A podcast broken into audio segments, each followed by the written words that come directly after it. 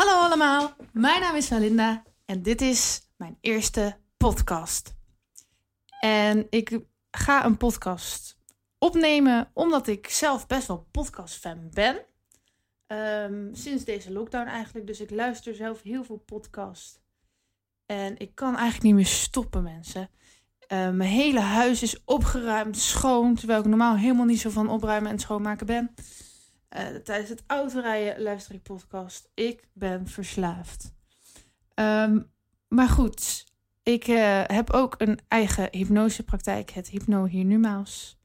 En we raakten dus in de lockdown. En ik zat zo van, ja, wat nu?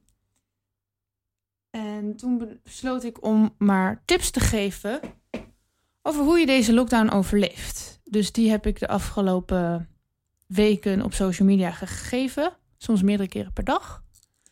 En dat een beetje terugdenkt aan mezelf van, nou laten we zeggen, vorig jaar uh, toen het allemaal net begon. Onze ja, soort van eerste lockdown. Uh, want toen had ik het best zwaar. Ik uh, ja, was best wel moe van mijn werk. De scholen uh, raakten dicht en ik geef altijd verkeerslessen op middelbare scholen. En nou, toen kon er opeens helemaal niks meer.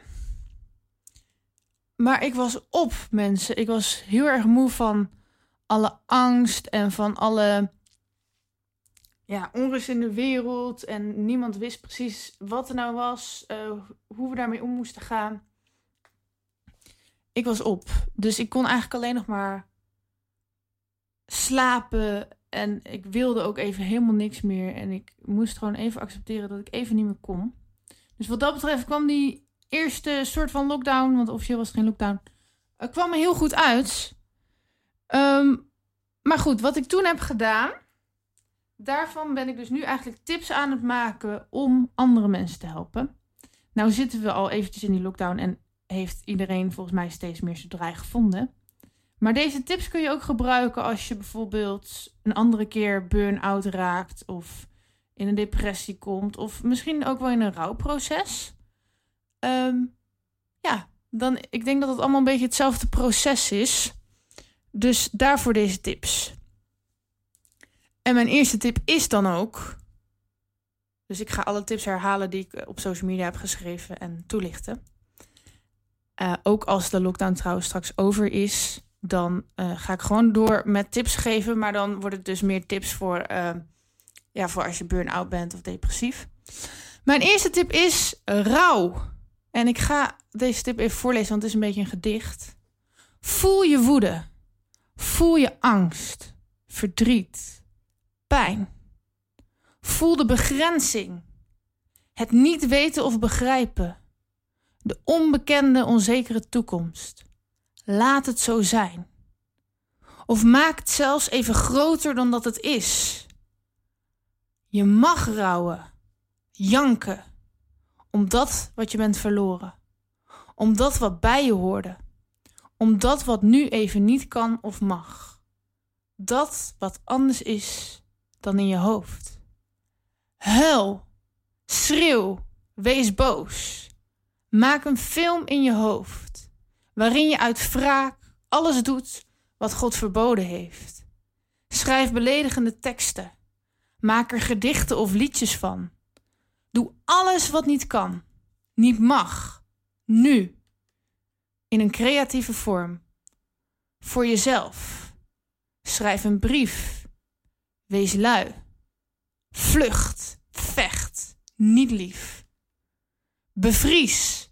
Vreet je helemaal vol. Word dol, sla op hol. Alles kan en mag in dit hol. De storm van de pijn. Expressie. Helemaal als je lelijkste zelf. Het mag er zijn. En dat is dus stap 1 in een proces wat je moeilijk kunt accepteren. Dus als jij opeens in een lockdown komt, opeens burn-out bent, opeens depressief of opeens overlijdt er iemand, dan is het heel belangrijk dat je even alles stopzet. Dat je even helemaal voelt en wegkwijnt in je eigen ellende. En dat je daar even stil bij durft te gaan staan. En dat je even niks meer hoeft van jezelf. Dus je mag alles en je hoeft niks. Zoals ik dus bijvoorbeeld deed. Even alleen nog maar slapen en niks anders meer willen. Ik kon ook even niks anders meer. Maar accepteer dat gewoon. Dat hoort bij het proces. Hoe eerder je dit toelaat, je pijn, je verdriet, je, je moeheid of wat je dan ook voelt, hoe makkelijker het is om dan later verder te gaan. Want dan zit er niks meer opgekropt, dan heb je alles eruit gegooid. En dan kan je weer nieuwe stappen gaan nemen. Maar als jij alles maar blijft opkroppen en negeren, ja, dan komt het later op een moment dat je het niet wil, zeg maar. Dus ja, voel altijd, ook als het gaat ook over andere processen, hè? als je gewoon een, een ander een irritatiegevoel hebt of even een, ehm, ja, een dipje, voel dan eerst gewoon wat je voelt. Dat is het allerbelangrijkste en altijd de eerste stap. Voelen wat je voelt. Zien wat er in je speelt. Aandurven kijken uh, wat er is en wat tegen jou iets wil vertellen. Ook met bijvoorbeeld afvallen. Je kan eigenlijk niet afvallen als je niet aandurft te kijken dat je bijvoorbeeld te dik bent of ongezond bent. Of je kan niet afkicken van een verslaving als je niet aandurft te kijken en durft te erkennen dat je verslaafd bent, als je het niet durft te voelen. En als je dat verdriet niet durft te voelen, want dan blijf je die pijn blijf je wegstoppen met je verslaving.